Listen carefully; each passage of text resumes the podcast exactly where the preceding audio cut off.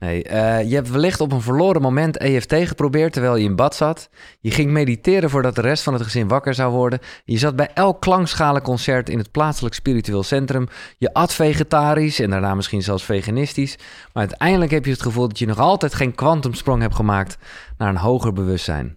Ik vond het een heerlijk, nou cynisch is het niet, maar een heerlijk leuk momentopname van hoe we allemaal bezig zijn met iets. En soms werkt het wel en soms werkt het niet.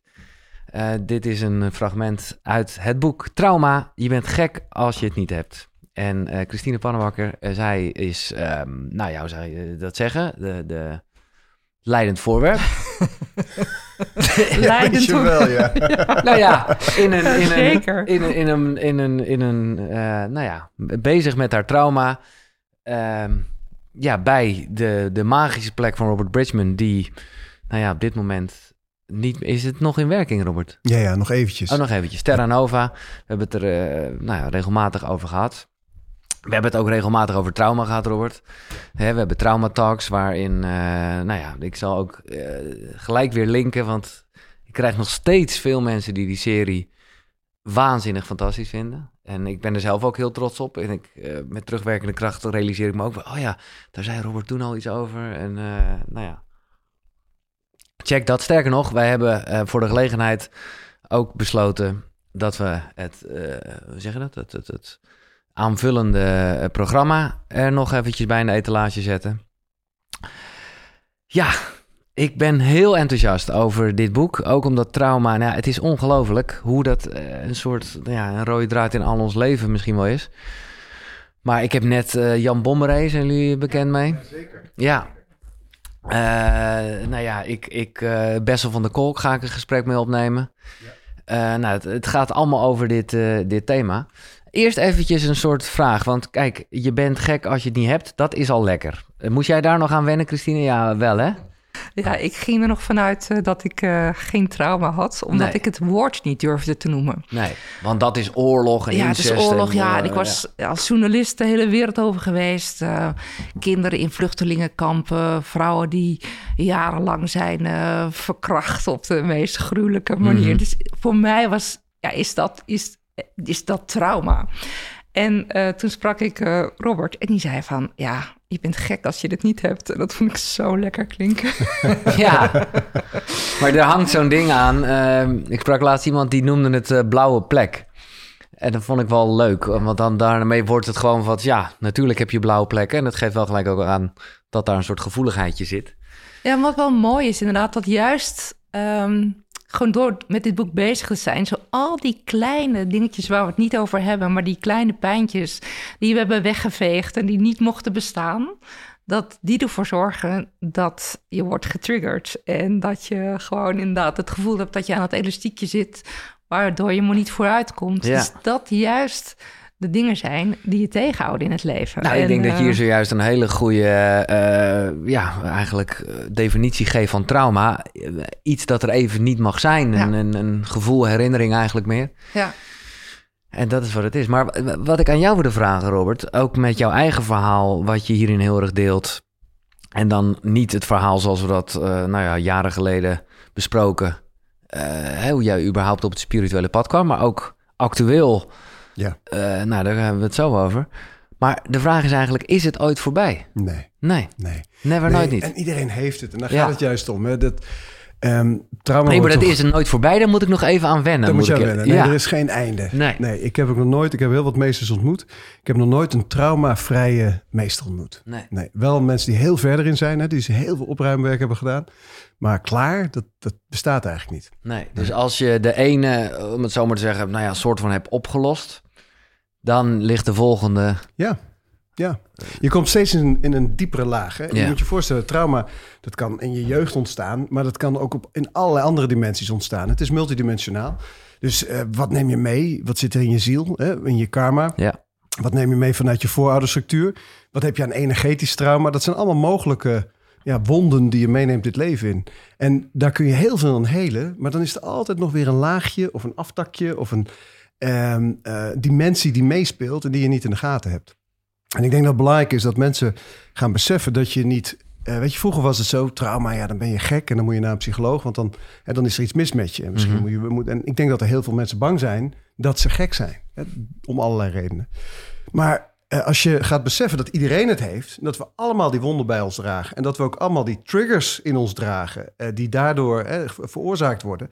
Ja, dan ga je ook heel veel van je gedrag begrijpen. Dan Ja. ga je begrijpen waarom je verslaafd bent aan zoetigheid of Ja. wijn of werken, waar Ja. je dan ook aan verslaafd bent. Dan ga je begrijpen waarom je zo boos reageert als, als je moeder dit zegt. Of dan ga je begrijpen als, waarom je eh, altijd op een bepaalde manier om, omgaat met een bepaalde situatie. En ook waarom steeds dezelfde situaties weer terug blijven komen in je leven. En dat is denk ik wel wat we met dit boek proberen. Het normaliseren van trauma. En daarbij gewoon lekker open en kwetsbaar ons eigen verhaal eh, vertellen. Nou ja, precies. Want het zit dus eigenlijk bijna nog verneukeratiever in elkaar. eh, dat je ook bij wijze van spreken een soort nieuwe triggers kan ontwikkelen... die je in eerste instantie helemaal niet zo door hebt. Ja. En, en, en, en dan ben je dus alweer bezig met een ja, nieuw of... Nou ja, eh, hij was er altijd al waarschijnlijk, Ja. maar een laag daaronder.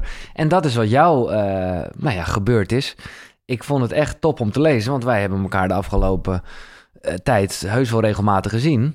Ik vind niet, jij schrijft ergens van, ah ja, als ik mijn filmpjes terugzie, dan zie ik het ook. Nou, dat, zo heb ik dat helemaal niet ervaren, totaal niet zelfs. Maar dat, ik, ik kan me voorstellen, in jouw leven, ehm, juist bezig met transformatie, nou ja, heel erg aan het knallen. Dat is, dat is natuurlijk niet normaal, eh, ja, hoe jouw leven eruit zag. Want je hebt er wel, eh, ja, even een stap Ja, in gezet. We hebben vijf jaar lang 28 retraiteweken gegeven, waarvan Ja. ik er 20 zelf gaf. Ja, En dat was heel intensief. Ja. En dan heel diep traumawerk.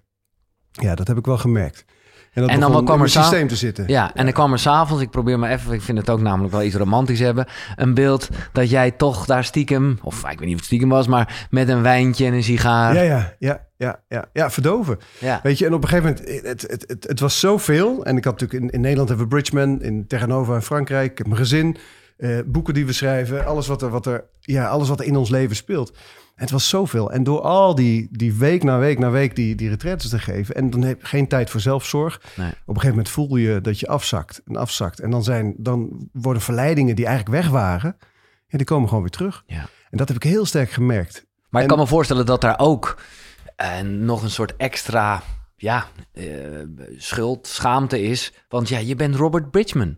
Jij bent de man die eh, het... Nee, ik zit niet even groot te maken, maar je snapt wat ik bedoel. Nee, ja, dat is, ik bedoel, jij, jij, jij, mensen komen naar jou of naar jullie om, om, om te leren. eh, Ja, maar daar moet je daar ook open over zijn. ja, nee, dat vind ik ook mooi. Maar op op dat een, moment eh, kan ik me voorstellen dat dat nog Nou, wel in het extra begin was dat wel, denk ik dat wel stiekem. Dat ik dacht, oh shit, wat, wat gebeurt hier, weet je wel? Eh, Laat ik maar niet... En, en op een gegeven moment krijgt natuurlijk die krijgt in de gaten en die Ja, weet het. En toen heb ik op een gegeven moment ook voor mezelf eh, een soort acceptatie gehad. Oké, dit is nu even zo. Ik neem het, ik, ik doe het. Ik ga er ook echt van genieten. Dat heb ik ook echt gedaan, kan ik je vertellen. Top. En ik zoek mijn moment waarop ik het weer, eh, waarop ik bij mezelf die diepte weer inga. Maar als je op een gegeven moment zoveel aan het geven bent, Ja. ja, dan heb je daar geen tijd voor. Tenminste, ik had daar even geen Nee, tijd Oké, maar hier zeg je wel iets en het is geen vrijbrief om dus maar gewoon lekker door te gaan met je verslaving.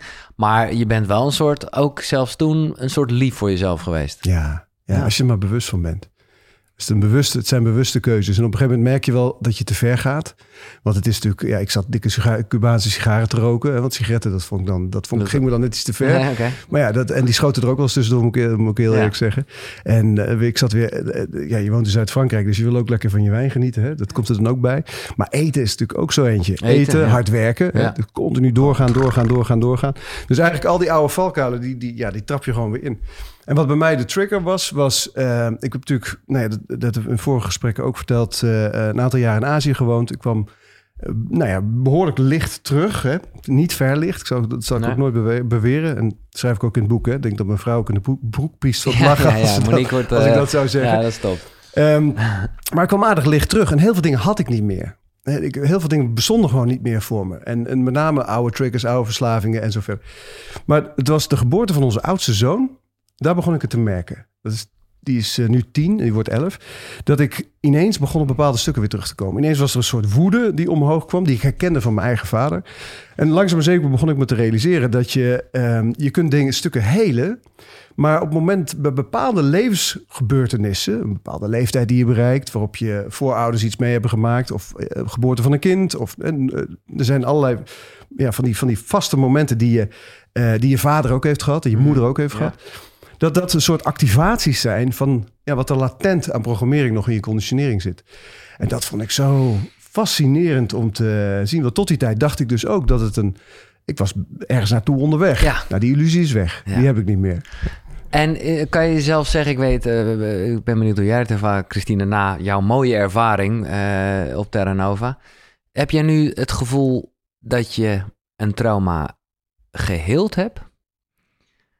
Ja, ik ging, kwam thuis en toen dacht ik van nou, dit trauma heb ik echt geheeld. en uiteindelijk als je weer thuis bent en je gaat weer in je gewone leven, dan merk je wel van dat die trigger nog wel aanwezig is. Bijvoorbeeld het grote schuldgevoel, uh, mea culpa, dat zit heel erg in mij. Dat is misschien ook wel de katholieke jeugd van um, gevoelig zijn voor schuldgevoel. Ja. Ik kan niet zeggen van dat die helemaal weg is, maar het is wel echt ongelooflijke transformatie gebeurd ja, daar. En dat vond ik wel ja, zo bijzonder om, uh, om te ervaren. En wat rare was, dat ik ging daarheen en toen dacht ik wel van nou, ik ben echt zo iemand die vrij licht in het leven kan staan. Want ik heb heel veel heftige dingen gezien en ook meegemaakt, maar ik ben een beetje de sucker for light. En ook mensen die mij volgen, die hebben zoiets van, oh ja, Christine, ja, die, is, die staat zo lekker licht in het Ja, leven. ja, ja, ja. En die is zo positief. En uh, dat vond ik wel heel spannend om daar volledig ja. onderuit te gaan ook. En uh, ik had zo de eerste dag een foto gemaakt van mezelf. En toen, eigenlijk moest je je telefoon inleveren. Maar ik dacht, ga toch elke dag even een foto maken van mezelf. Dat ik echt na drie dagen dacht van, het komt nooit meer goed. Oké, okay. lekker dramatisch. Hier ja. gebeurt ja, ja, ja, En, um, maar maar, maar wel... ik vind het mooi dat je dit zegt. En het is iets uh, wat ik ook wel heel erg ken en herken. En, en nou, ook wel regelmatig, zeg ik eerlijk, hier mensen aan tafel heb zitten. Waarvan ik denk, ja, niks mis met uh, een roze bril naar het leven kijken. En, en positief ergens in staan. Ja. Maar als je echt net doet alsof het donkere er niet is. Nee, ja, dat, dat klopt dan niet. Nee. nee. Maar ik had het wel van... Uh, toen een aantal jaar geleden was ik dus op Terra Nova ooit verliefd geworden op een vrouw. En ik was toen getrouwd, ik had een kindje. Het was dat leven leek gewoon één grote zonnig uh, verhaal te zijn. En ineens dacht ik van, oké, okay, en nu? Ik weet dat het leven nooit meer kan zijn als nee. voor die week. Ja, dit is wel, jij gaat hier, dit is voor jou heel normaal, want het is je leven en het is 2012 dat het gebeurd is. Dus dat is ook alweer een tijdje terug. Ja. Maar het is wel crazy. Ja. Uh, op was, een leuke manier, hè? Ja, want het was iets wat totaal niet in mijn... Ik was, er nooit, ik was er ook nooit mee bezig geweest. Dus ik dacht nog van, maar dat is... Ik ben gewoon verliefd geworden op de vrouw die ik vroeger was... die in de eentje ja, de ja, je ging voor jezelf goed praten van... Bla, bla, een heel verhaal eromheen. Maar ik ging wel helemaal op slot. Ik ging, kroop echt onder een steen en ik werd echt zo zwijgzaam. Je hebt het ook niet aan je man verteld? Nee, ik durfde... Nee. En mijn verhaal was altijd van spreek je uit en Ja, ja, vertel ja. je verhaal. En dat is het belangrijkste wat we te doen hebben in deze wereld. En ik werd helemaal stil en ik werd stiller. En als je dus stil wordt, dan kan je dus ook geen verbinding meer maken. Dus hij ging steeds harder schreeuwen naar mij, omdat hij me geen, mij niet meer vond. En ik werd daardoor nog stiller. Nou, het was echt één grote soep. En, En het is iemand, voor de duidelijkheid, ik ga, Geert Kimpen is een bekende... Die kennen wij, die kent iedereen. Ja, ja, dat de is schrijver de- van de kabbalist. Ja, precies. Dus ik wil zeggen, nou ja... je Met zijn goedkeuring kunnen we dat zeggen. Ja, nee, maar je had het gesprek had je zeker wel met hem aangekund, want het was Ja. niet, hè, de, de, de. En, en, en dat weet ik oprecht niet. Wanneer eh, is dit wel naar buiten gekomen? En, en heb je, ben je met die vrouw? Nee, ik ben niet. Nee, want ik dacht van ik ga er niks mee doen. Dit is gewoon iets wat ik ook ga begraven ergens daar in dat moeras waar ik nu toch eh, in aan het rond eh, dabberen ben. Dus ik dacht met haar ga ik niks beginnen, maar ik wist wel van er is iets veranderd in mij. En op een dag zal ik er wel iets mee moeten. En ehm, ja, op een dag heb ik het dus inderdaad tegen Geert gezegd. En eh, Maar jaren later hebben we het nee, een over? jaar denk ik, Of een jaar, ja, later. ja. En ehm, ja, wel waar ik voor vreesde, want hij is fantastisch, maar ook super gepassioneerd. dus echt, Ja. alle demonen vlogen ook echt uit elke kast die je maar kon bedenken. En ehm, ja, dus er, want ik wist ook wel van dat deze heftigheid zou gebeuren. Ergens had ik ook wel dat gevoel van, als ik dit ga uitspreken, van, dan eh, kan, het, kan het heel heftig worden. ja, en dat en dat gebeurde het. ook. Ja. Ja. Wat op zich, eh, als we het hebben over trauma, ik kan daar soms nou ja, bijna jaloers op zijn hoe mensen boos kunnen worden. Want ja, dan weet je in ieder geval dat je het niet ondertussen eh, aan het freezen bent, vastzetten en eigenlijk een, een, een eigen trauma aan het creëren bent. Ja, Dus ja, dus hij heeft het heel goed gedaan. hij heeft het heel goed gedaan. Ja. Nou, het is ook wel een mooi verhaal hè, dat jij, jullie hebben eh, heel lang op Terra Nova, ver voordat wij daar kwamen, Ja. gaven jullie daar schrijfretretes. Dus eh, Geert en jij samen gaven schrijfretretes. En daar zijn, ik denk wel 30 of niet 30 Ja. van die weken op Terra Nova. De hele zomer lang was dat dan. En ehm, mijn vrouw Monique, die kwam op een dag op zo'n schrijfretrete. En Terra Nova stond te koop. En die kwam thuis en die zei, Robert, we gaan het Terra Nova kopen. En als er iets op Monique's wens, wenslijstje komt, dan komt het op de een of andere manier altijd op mijn to-do-lijst. dus we konden dat gaan manifesteren. En we hebben dat toen gemanifesteerd om, dat, eh, om daar te kunnen wonen. Eh, want het, ja, dat was niet goedkoop hè, om dat allemaal eh, voor elkaar te krijgen. Dat is gelukt. En eh, wij zijn daar neergestreken. We hebben daar vijf jaar lang heel intensief traumawerk gedaan. Transformatieretreats gegeven. Ja. Vanaf dag één zat alles vol. Het is iets wat heel erg leeft. Heel speelt bij heel veel mensen. Ja. En wij dachten, oh, we moeten al die mensen helpen. En ehm, toen kwamen wij met elkaar in contact via Geert. Ja. En eh, toen, to- to- toen ontstond er iets. En, en ontstond het idee, laten we samen een boek, te gaan schrijven, een boek gaan schrijven Ja. over trauma. En toen kwam jij weer terug op Terra Nova. Ja. Om zelf zo'n transformatieretreat Juist mee daar. te maken. Ja, wel juist Of daar, of ja. Ja, het dus is ik echt zo'n synchroniciteit. Kosmos, die heeft echt geglimlacht om Ja. dit idee volgens mij. En Echt wat ik waar. ook heel mooi vond, is dat nu dat Geert nu de uitgever is van dit Ja, boek. Geert Ja, precies. boek. Echt helemaal ja, ja, full ja. circle. eh. Maar Ja. toch even, want ik, dit is allemaal een soort film. eh, waarbij, ik bedoel, de dame in kwestie weet hij ervan en heb je het überhaupt ooit geprobeerd? En de, de dame in kwestie weet ervan. En, en die stuurde mij dus echt op het moment dat ik het boek inleefde ineens een berichtje, weet je, want die voelde ook ergens iets Iets in de trillen lucht of zo. hangen, eh, ja, Ehm, ja, nee, ik ben nu uiteindelijk met, met een hele leuke andere dame. Ja, ja, oké. En die is vandaag jarig. ook. Nou, gefeliciteerd. Oh, Nou, dat is eh, eens. wat een feest. Oké, maar het zou je kunnen zeggen, ehm, Robert, ook naar aanleiding van wat Christine zegt, dat je misschien dat het dat dat het eigenlijk wel is, dat die ja eigenlijk misschien helemaal niet van een trauma kan helen, maar gewoon veel meer dat je ermee om leert gaan. Of kan het wel echt verdampen? Nee, je hield het. ja? maar ja, dan blijf. Maar, Maar die, maar is komt- gelaagd. komt de Dus trigger dan nooit meer terug? helen. Nou, ik, ik zeg al, al heel lang tegen mensen... geef jezelf drie tot vijf jaar... om jezelf van je grootste trauma's te helen. ja. Komt de trigger nooit meer terug? Nou, daar hebben we het antwoord al op. Hè? Ja, die komen weer terug. eh, op, maar op andere manieren. Lichter, vanuit een andere hoek, in een andere dimensie. eh, in een andere relatie. Bijvoorbeeld een bepaald trauma uit je jeugd kun je helen. Maar misschien zit er nog een stuk met je vader aan... wat je nog aan te gaan hebt. Of misschien zit er nog een stuk Het gaat allemaal in laagjes, precies Het gaat allemaal in dat- laagjes. Ja, en ik denk ook niet dat je moet eh, proberen om alles heel structureel te gaan eh Nee, helen en bijhouden lijstjes wat je allemaal eh, in jezelf aan het werk hebt gedaan. Maar wel, ik ben heel erg voor onderdompeling. Dus ook, dat hoeft, niet, eh, dat, dat hoeft niet eens bij ons, dat kan overal. Er zijn zoveel mensen bezig met traumaheling in Nederland. Zoveel ook Ja. echt goede mensen. Ja, de ene therapeut ziet dit en de andere therapeut Ja. ziet dat. En we krijgen collega's van elkaar. Ik krijg wel eens collega's of, van, of eh, cliënten van elkaar. Ik krijg wel eens een cliënt van een collega. Die dan zegt: Nee, dat moederstuk heb ik al helemaal doorgewerkt met Ja, die alsof eh, collega. echt... Ja, ja. En dan zeg ik: Ja, maar ik zie het zitten. En eh, dit stuk is er nog. En dan heb je dit stuk nu met mij te doen. Want het is een ander. ander ik, heb een, ik, ik begeef me in een andere multidimensionaliteit. Een ander deel van de multidimensionaliteit, moet ik zeggen.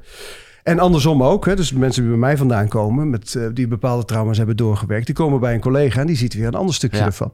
Dus het is ongoing. En Ja. ik denk dat dat eh, belangrijk is. Dus één, dat je niet gek bent als je trauma's hebt. Sterker nog, iedereen heeft het. En het is de verklaring voor een heel groot deel van je gedrag. Mhm. Alles waar we tegenaan lopen, dat elastiek wat Christine al benoemde. Of je het nou hebt over sabotagemechanismen, over, over verslavingen, ehm, over allerlei vormen van gedrag, eh, onbestemde gevoelens, emoties die uit de hand lopen, eh, reactiviteit, triggers.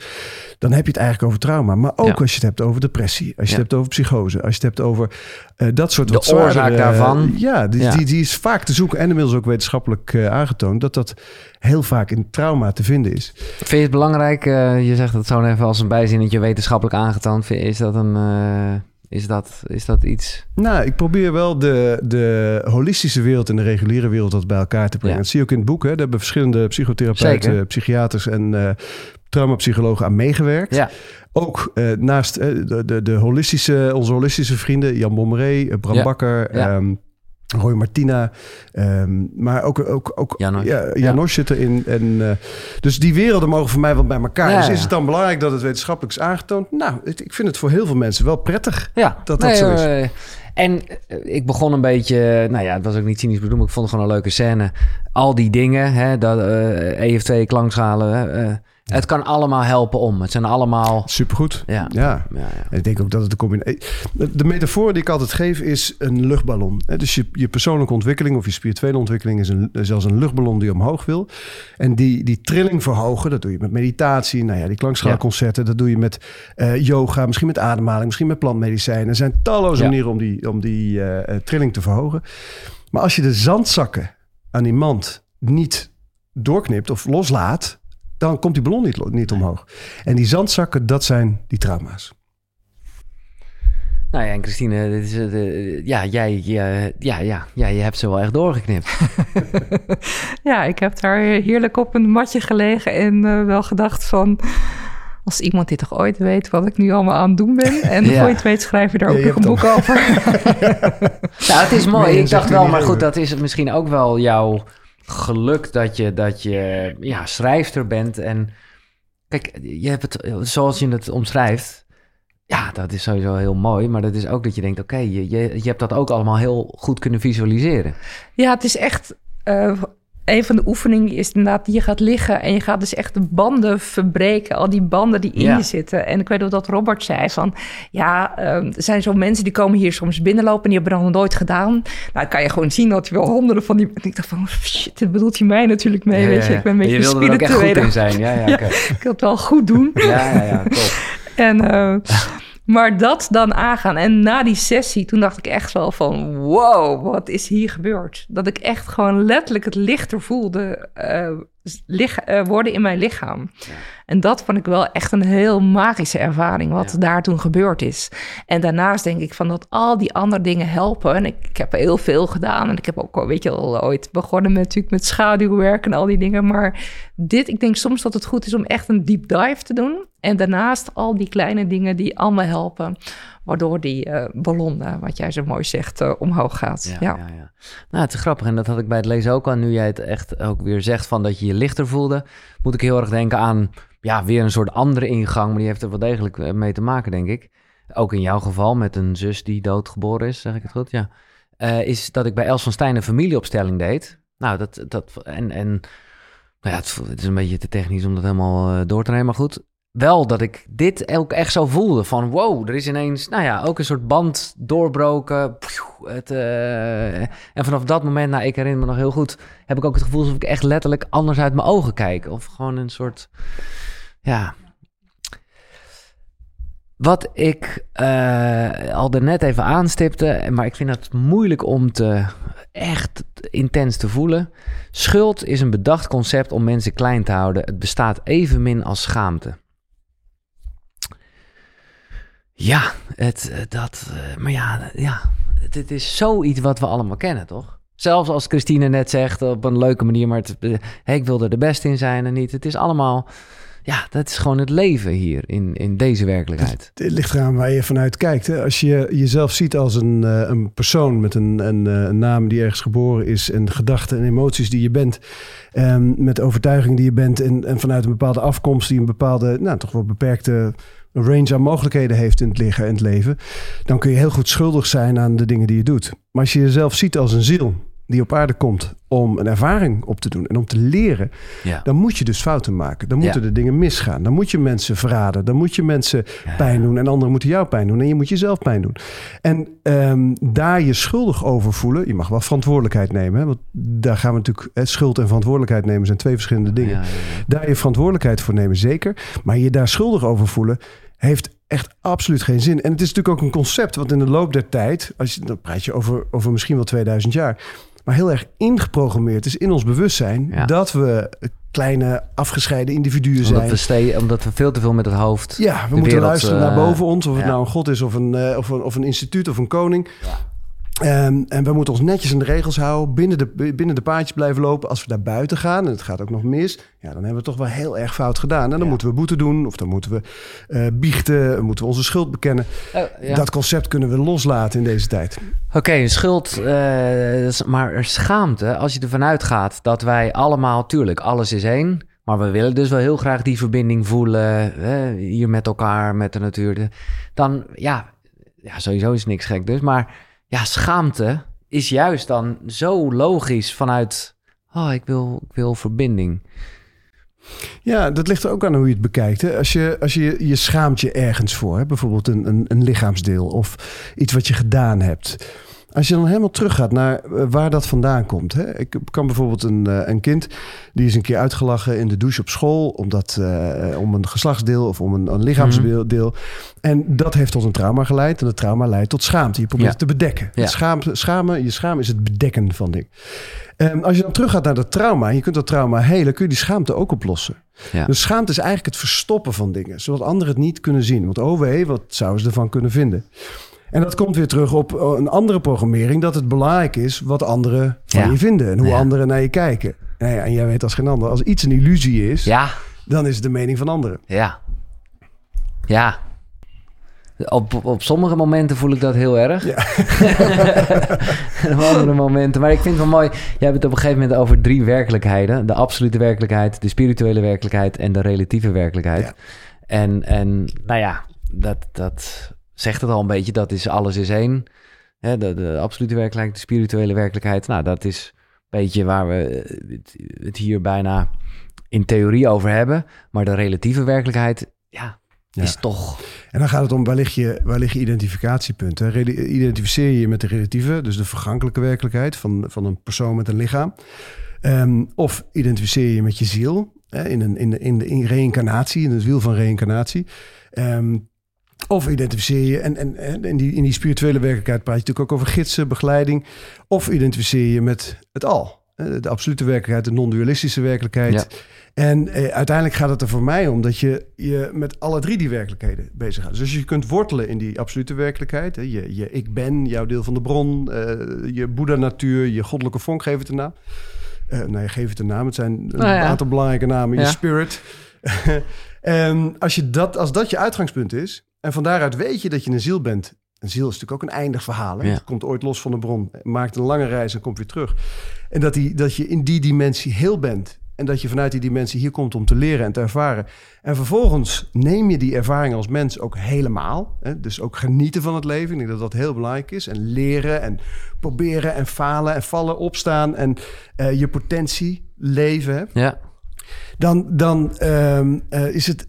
Als dat je referentiepunt is, dan heb je een heel ander leven dan wanneer je leeft vanuit die relatieve werkelijkheid. En denk, oh jee, ja. ik- en dat eigenlijk de enige werkelijkheid is. Precies. Ja, ja, ja. Maar Nou, dat ik mag vind- er ook zijn. Ik vind het wel mooi inderdaad, die trauma van afgescheidenheid. Ja. Dat zo de, het grootste trauma is. En dat vond ik zo'n echt... Toen die binnenkwam bij mij, was het zo bang. Ja, maar dat is, dat is, Wow. dat zegt een, een, een- ja, nou ja, jouw leraar ook, eh, hoe heet die? Altazar. Eh, precies, Altazar. Ja. En die zegt, afscheid is het belangrijkste trauma dat mensen hebben. En dat komt door de identificatie met het denken. Juist, afgescheidenheid. En, Ja. Maar ja, dat is, dat, dat, dan, dan weten we zeker dat we allemaal een trauma hebben. Voilà, daar gaan we al, hè? Je, Ja. bent gek, je bent gek als je het niet hebt. Ja, ja maar dat had jij ook, Christine. Ja, inderdaad. ik zat inderdaad zo eh, rond kerst zo op de bank. En ik was naar, naar Robert aan het luisteren. En ineens dacht ik van... Ja, je hebt al heel vaak het gehoord. Maar ineens kwam die zo binnen. En toen dacht ik van... We zijn gewoon alles. We zijn de bron en we zijn, alles zijn we gewoon. En ik weet nog dat ik de slaapkamer binnenholde... en waar mijn vriendin lag te slapen. En ik zei, ik ben alles. Ja. En zij echt rommelend onder de dekens. Oh, dat wil ik ook. ja, maar het is een heerlijk even dat, momentje. Ja. Ja, en ik heb iets van, oh, soms als ik dan wel even zo, weet je, loop over straat en iedere keer als ik me dat realiseer, dan denk ik wel van, wauw. Ja, Ja. dat vind ik echt wel heel bijzonder Ja. om, eh, om dat je te herinneren. Ja. En dan te denken van, ja, het is niet zozeer dat wij een lichaam hebben in deze kosmos, maar het kosmos heeft lichamen en dat zijn wij dan, weet je wel. Ja. Ja, daar kan ik nog steeds wel eh, ongelooflijk van genieten, Ja. van zo'n Nee, gevoel. ik ook. Maar Ik heb wel, nou ja, ik heb- ben bijvoorbeeld eh, met voor mijn vriendin in Nieuw-Zeeland geweest. En dan, ja, dat zijn gewoon fijne tools. Als je dan heel erg in de, in de natuur bent. Ja, dat zijn van die momenten. En dan hebben we het misschien echt wel over secondes. Dat je dat even. Dit is niet eens een twijfel. Je denkt ook niet eens, je bent. En dan. Ja. Maar ja, we zitten toch ook in de relatieve werkelijkheid. En dan is het toch gewoon weer jij en ik. En, eh, maar ja, afgescheidenheid. Hoe, eh, ja, hoe zie jij dat, Robert? Weer een beetje terug naar, naar een trauma. Ja, dat is ook niet iets waar je afscheid van kan nemen, toch? Een trauma. Nee, van Oh, afgescheidenheid. van afgescheidenheid. Jawel, ja zeker. Daar kun je ook aan werken. Want ook dat, het is een conditionering. Hè? Het is een programmering. En kijk, als je ervan uitgaat dat een, een mens... Ik ga ervan uit van drie elementen in een mens. En één element is bewustzijn. Mhm. Hè? de- onze essentie. Ja, En dat bewustzijn, dat, dat, het, het ik ben, het I am, de kern en eh, je zielslagen. Ehm, dan eh, bestaat de rest uit informatie en energie. En die informatie en energie is continu in beweging. Hè, dus ook, dan, eh, ook, ook grote delen van je ziel bestaan uit informatie en energie. Ik denk dat bewustzijn de hoogste vorm van energie is. En die informatie en energie, die- dat, dat, dat is en geprogrammeerd. En daar zitten stukjes in vast. ja. Moeilijker is het eigenlijk niet. En als je in staat bent om het hele deel van jezelf, want in essentie ben je al heel. Hè, Je bent eh, één met alles. Ja. Als je dat hele deel van jezelf kunt aanwenden om door die informatie en energie heen te komen, kun je dus conditionering oplossen. En dus ook trauma's en dus ook hele diepe trauma's. Maar kun je dus ook de begrenzingen die je eigenlijk alleen met je, met je pre- linker prefrontale cortex, dat egootje hebt, eh, van, van de, de illusie van ehm, eh, de kleine afgescheiden ik, daar kun je langzaam maar zeker met de juiste technieken en methoden kun je daar losser van komen. Steeds losser totdat je het gaat ervaren en dat je ook steeds meer die eenheid gaat ervaren, ook in je dagelijks leven. En dan ben je de meeste van drie werelden en leef je tegelijkertijd in, in, het, in het nu, Ja. hè, de absolute werkelijkheid, in de ziel en in het, eh, in het menselijk. Ik vind het, eh, nou, ik mag dat niet zeggen, want dan dat, dat, dat, dat kunnen mensen echt pijn doen. Eh, dus dat is niet de bedoeling. Maar er zijn momenten geweest, laat ik het zo zeggen, dat ik, dat ik bijna zou wensen dat ik een impact trauma heb. Hè? eh, En dat slaat natuurlijk, maar ik bedoel te zeggen, lekker overzichtelijk. Ik, er is gewoon eens een keer iets super heftigs gebeurd en dat heb ik geblokt. En eh, nou ja, oké, daar moet ik dan langzaam naartoe. En dan, dan hoor je ook, oké, dan ga je met allerlei soorten therapie echt terug naar het moment. En dan doorvoel je het en dan, pjoe, dan is het weg. Voilà. Ja, maar ja, precies. we, we, de, de, ja, procestrauma eh, is iets wat veel meer aan de hand is. En dit vind ik echt, dit, dit raakte mij heel erg wat eh Jacobien van der Garde er zei. Zij is eh, psychotherapeut en GZ-psycholoog. En zij zegt in jullie boek: We denken bij trauma vaak aan wat iemand heeft meegemaakt. Maar het gaat er minstens zo vaak om wat iemand niet heeft meegekregen. Ja. Gezonde hechting, veiligheid, voorspelbaarheid. En ook dat kan klachten veroorzaken. Dus dat is. Ja, dat, dat wat, wat eerder in het boek. Er staan best wel wat oefeningen in en wat tips en tricks om. Nou ja, alvast een beetje voorzichtig, wat wij ook in de Trauma Talks besproken hebben, eh, met jezelf eh, eraan te werken. En eh, dan ja, wordt er vrij in het begin de vraag gesteld: voor wiens afwijzing ben je het meeste bang? Of wie wees jou vroeger het meeste af? En ik ging heel erg naar binnen en ik dacht alleen maar: ja, maar er is dus juist niks. Was ik, was ik maar bang om door iemand afgewezen te worden? Ja, in die end heb je natuurlijk altijd met mijn ouders en zo, dus daar zal het ook heel erg in zitten. Alleen ik heb daar geen gevoel bij. Het is niet dat ik denk: oh, wat, wat, wat was ik vroeger bang voor mijn vader? Nee, er was gewoon geen hechting. Nee, precies. Fuck, fucking, Precies, eh, precies. Dus, ja, precies. Dus je hoeft er ook niet te weten. Je weet ook niet waar het vandaan komt Nee. vaak. Het, het zijn die onbestemde gevoelensverslavingen die daaruit voortkomen. eh, Die triggers die daaruit voortkomen. Maar ik vind je vader, ik vind dat een heel mooi voorbeeld. Hè? Dat heel veel mensen hebben dat. in- Het impacttrauma, even voor de, voor de, voor de context, is iets wat heftigs, wat, wat één keer gebeurt. Of misschien Jij twee bent, keer. jij bent een goede voorbeeld van een hond. Dat, Een hond die je eh, bijt, precies. En vanaf dan moment ben je bang voor honden. Ja. Impact. Maar een procestrauma, dat wil zeggen, als je vader er niet is, omdat hij altijd aan het werk was. Die van mij bijvoorbeeld, ik ben dol op mijn vader, maar hij was er vroeger niet. Want hij Nee. was 's ochtends om zeven uur ging hij de deur uit. En s'avonds om zeven uur half acht kwam hij weer thuis. En in het weekend was het de voetbal. Hè? Dus ehm, eh, dat heeft iets gedaan met mij. En eh, dat niet gezien worden, niet ge- gehoord worden, niet je niet belangrijk genoeg voelen.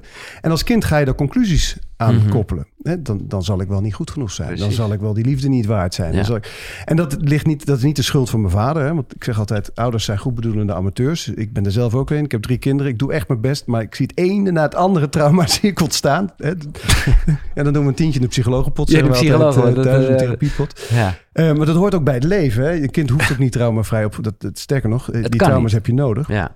Nee, ik denk dat dat niet kan. Nee. Maar dat, dus het is niet mijn vader zijn schuld. Het is ook niet mijn schuld. Maar het is wel de oorzaak en gevolg die leidt tot bepaalde ja, klachten. Zoals Jacobine dat zei, heeft in mijn leven.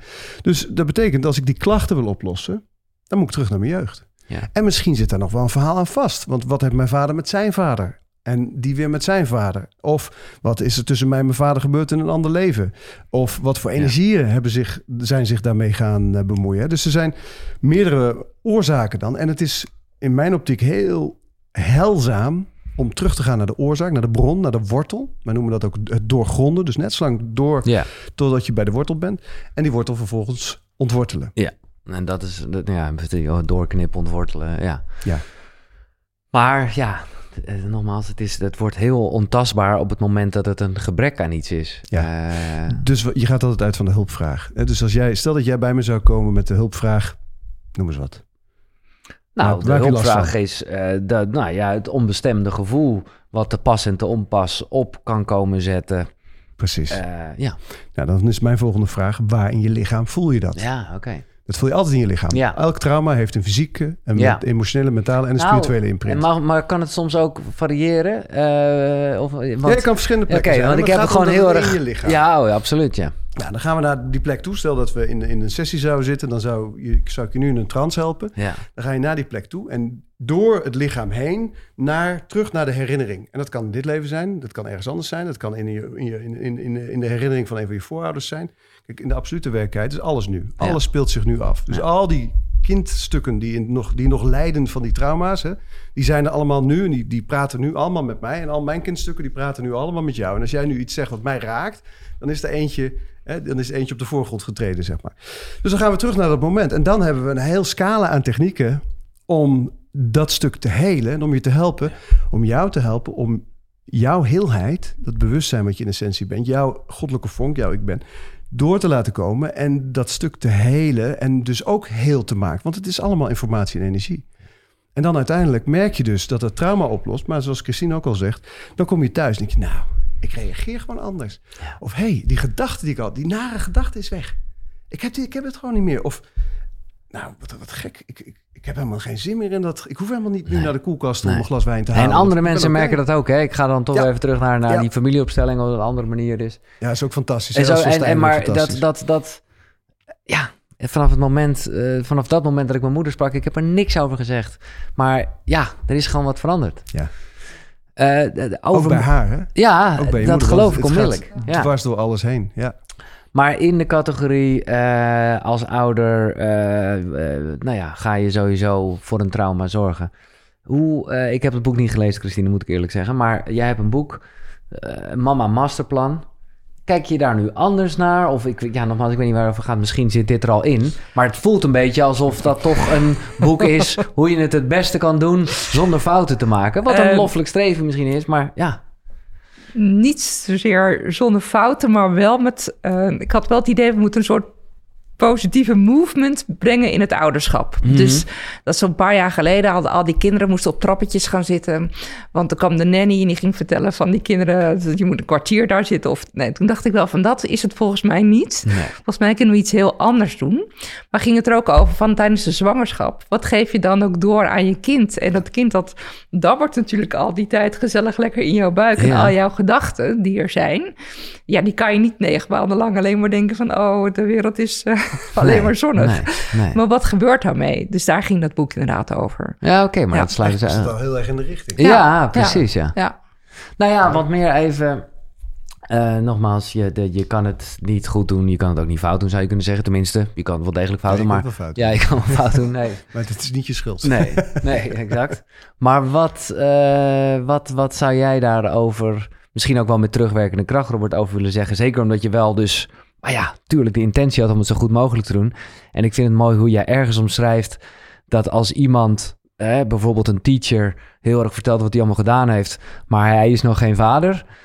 Of zij, dat jij denkt, oké, succes, dan komen we elkaar... flauw, nee, dat vind ik dat mooi. is- Dat vind ik super mooi. Ja, dat, is, dat, is, dat heeft te maken met die, die, die latente programmeringen. Op het moment dat je kinderen krijgt, gaan er hele andere ehm, eh, wetmatigheden aan, zeg maar. ja. Hè? Dus je Maar komen er dus ook even... komen de oude trauma's terug. Ja, exact. Ja, en trauma's van je vader, die die ook heeft meegemaakt. Ja. En zijn vader en zijn vader. En in, in mijn geval dan, of van je moeder. En, Ja. eh, Maar het is, weet je, op, als je, voordat je geboren of voordat je verwekt wordt, ben je oneindig potentieel. En is alles mogelijk. Je bent het, het kwantumveld. Je bent, je bent één met alles.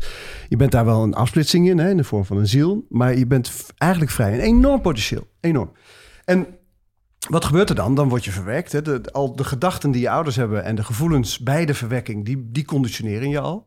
Vervolgens in de baarmoeder gebeurt er van alles. Je, je, neemt, eh, alle, je, je bent een spons. Je bent Ja, een, ja. in een, in een delta staat in je, in, je, in, je, in, je, in je zenuwstelsel. Je neemt alles op. Dus de gedachten van je vader, de, eh, de stress van je moeder, de angsten van je oma. eh, misschien is er wel oorlogsgeweld. Hè? Dat zie je ook.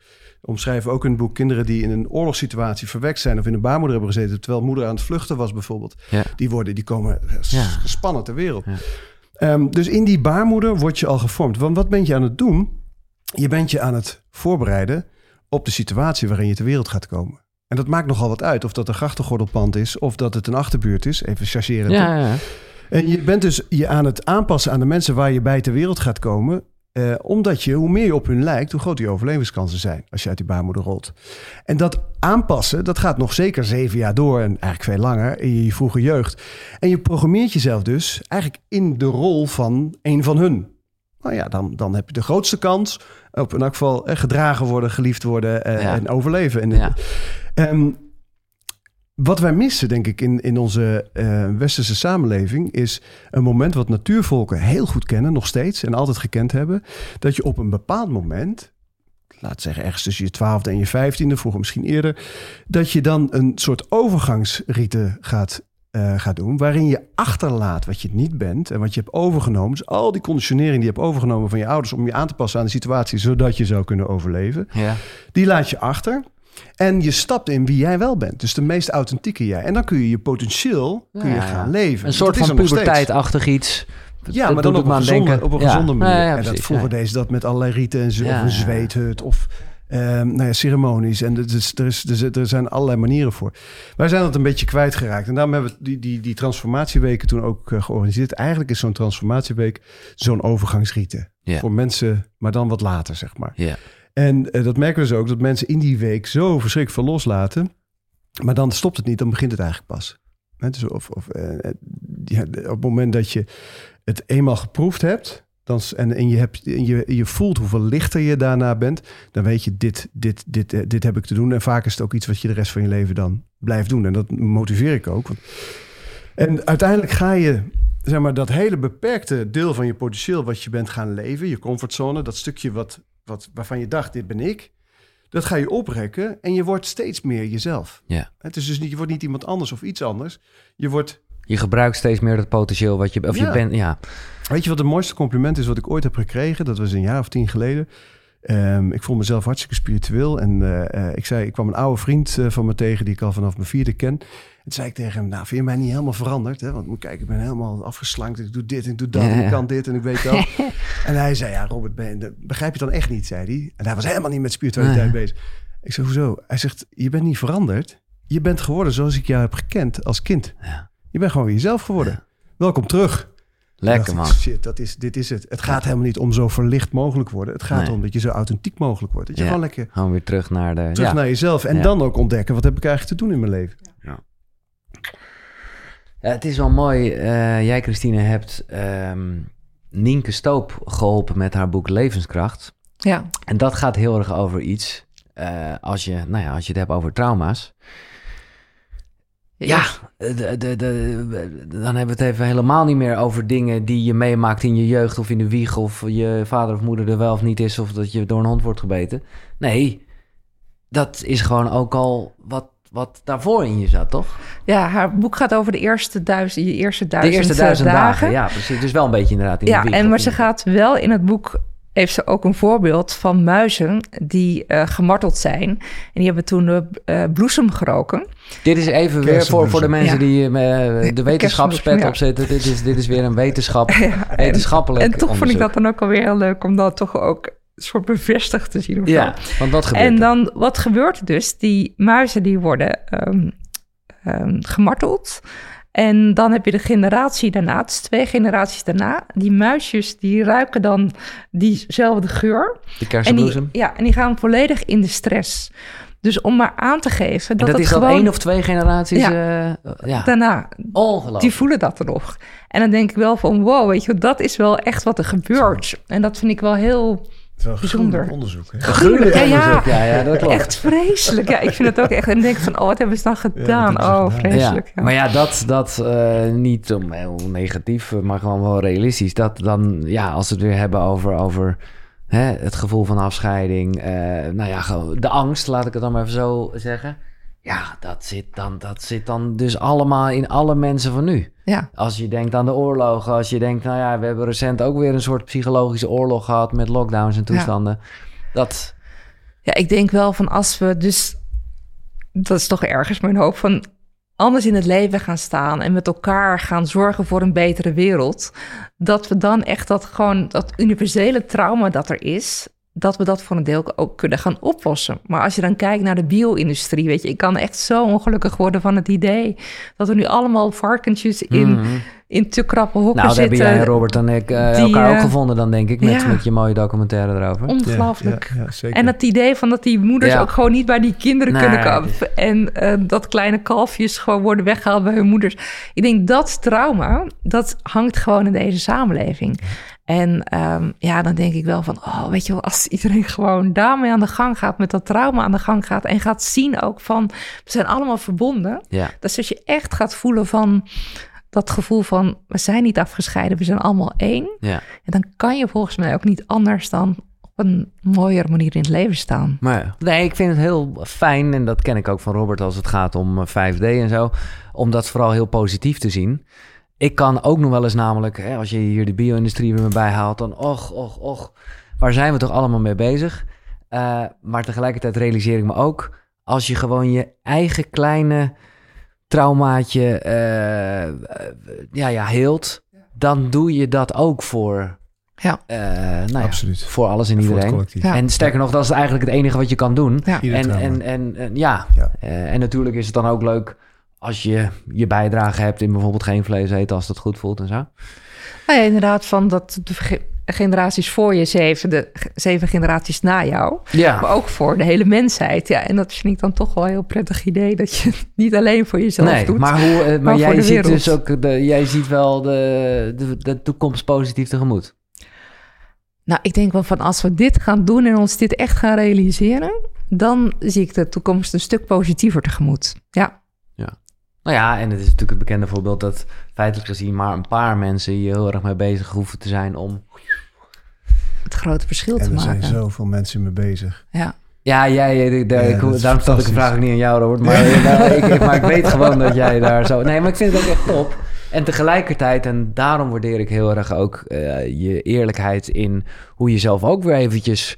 Nou ja, hè, het leven is pieken en dalen. Hoe jij ook weer eventjes in een, in een... Nou ja, ik weet niet of het een dal is. Het is allemaal meer nodig geweest. Eh, maar ja, dat vind ik wel... Ja, Ja, maar ik denk dat het ook belangrijk is. En dat we niet vanaf een voetstuk gaan prediken, maar dat je zelf ook gewoon laat zien dat het bij jou ook zo werkt. En dat er, eh, wat gebeurt er dan along the way? ja, Ehm, en daarom was het ook, voor mij was het natuurlijk een, een eer dat Christine, die is, ik, ik, ik, ik zei het in het voorgesprek al eventjes, een van de eh, enige Nederlandse auteurs die bij Hay House in Amerika is doorgedrongen. Ze heeft, dit, dit wordt haar achtste bestseller, zegt ze. dat is natuurlijk waanzinnig. Dat, Ja. ik, bedoel, ik ben een van de velen die met traumaheling bezig is. Er zijn ontzettend goede mensen mee bezig en gelukkig en steeds meer. Ja. Het is natuurlijk een waanzinnige eer om eh, eh, dit met jou te mogen doen. En dan, dat er dan zo'n boek uit voortkomt. Eh, waarin we dit verhaal kunnen uitleggen. En vooral ook die beweging kunnen maken. Nou, je doet het niet alleen voor jezelf. Nee. Je doet het voor de komende zeven generaties. Wat ook lekker is, want ik kan me, eh, dat heb ik ook wel eens, allemaal bezig met zelfontwikkeling. En, eh, waardoor je bijna denkt, Ja. god, eh, Ja. wat egoïstisch. Ja. Eh, maar dat is het dus niet. Dat is het niet. Nee, ik heb inderdaad ooit een boek Wie ben ik geschreven. Ja. En dan zwemmen met dolfijnen en allemaal dingen van... oh, kijk maar eens lekker bezig zijn. Ja, en dan denk ik soms ook wel van... ja, weet je, het is ook wel heel... Weet je, de, de verwende mes- westerse mens voor een deel natuurlijk. Weet je, als je naar andere delen van de wereld gaat... waar mensen echt nog wel aan het zwoegen zijn... dan dacht ik wel eens van, nou, dus, maar dit... ehm, we kunnen dus allemaal dingen voor elkaar doen. En ik denk ook gewoon dat het soms iets is van... ook je hand uitsteken naar iemand anders...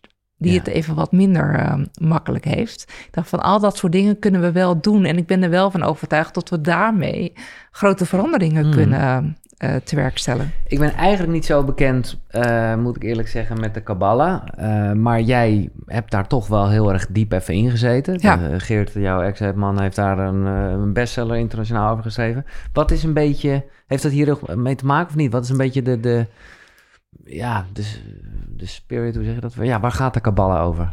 De Kabbalah die was voor ons heel erg bepalend uiteindelijk in ons leven... omdat dat ook het, het grotere geheel liet zien. Ja, En ehm, dat het bijna ook soms een meer wetenschappelijke kijk is op eh, de werkelijkheid. Dat je allemaal verschillende sferen hebt waar je in zit. Dus ik herkende ook heel veel in het verhaal. eh, ja, wat Mhm. ik natuurlijk uiteindelijk ook met, eh, met Robert heb gedaan.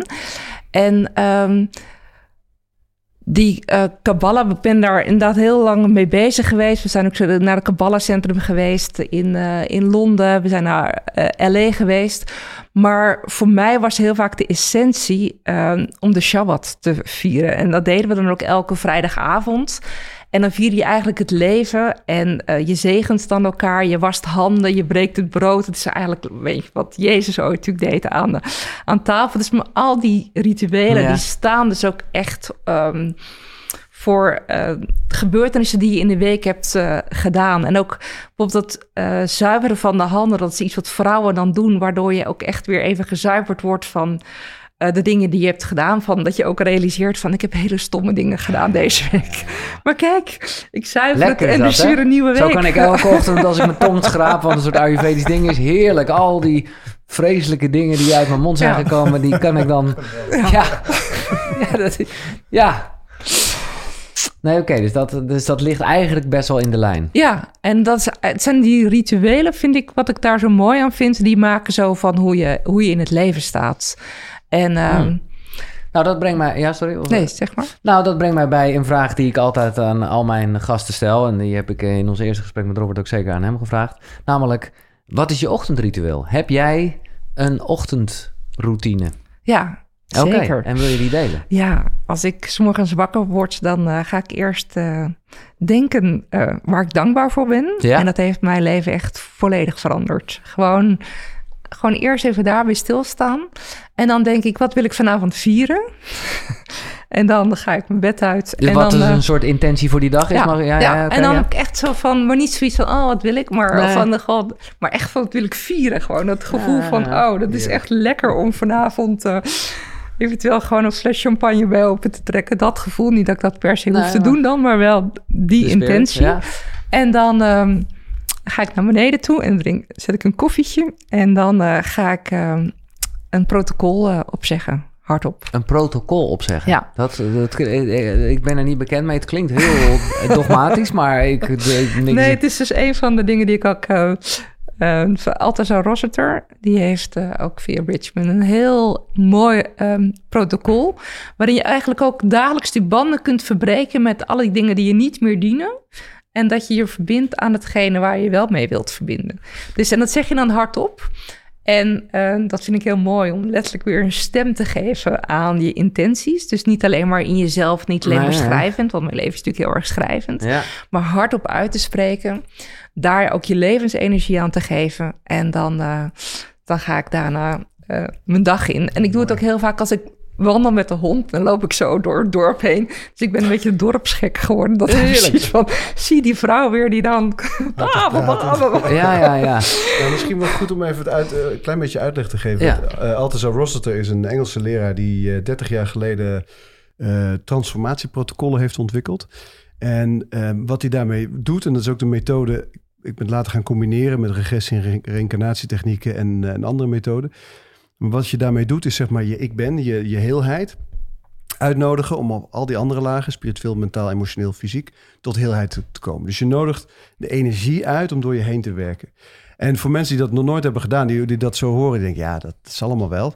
Ehm, maar de ervaring is, en zeker na, ehm, nee, ik heb er denk ik eh, wel 4000 sessies mee eh, mogen doen met mensen, ehm, is, het gaat zo diep en het is zo ongelooflijk krachtig.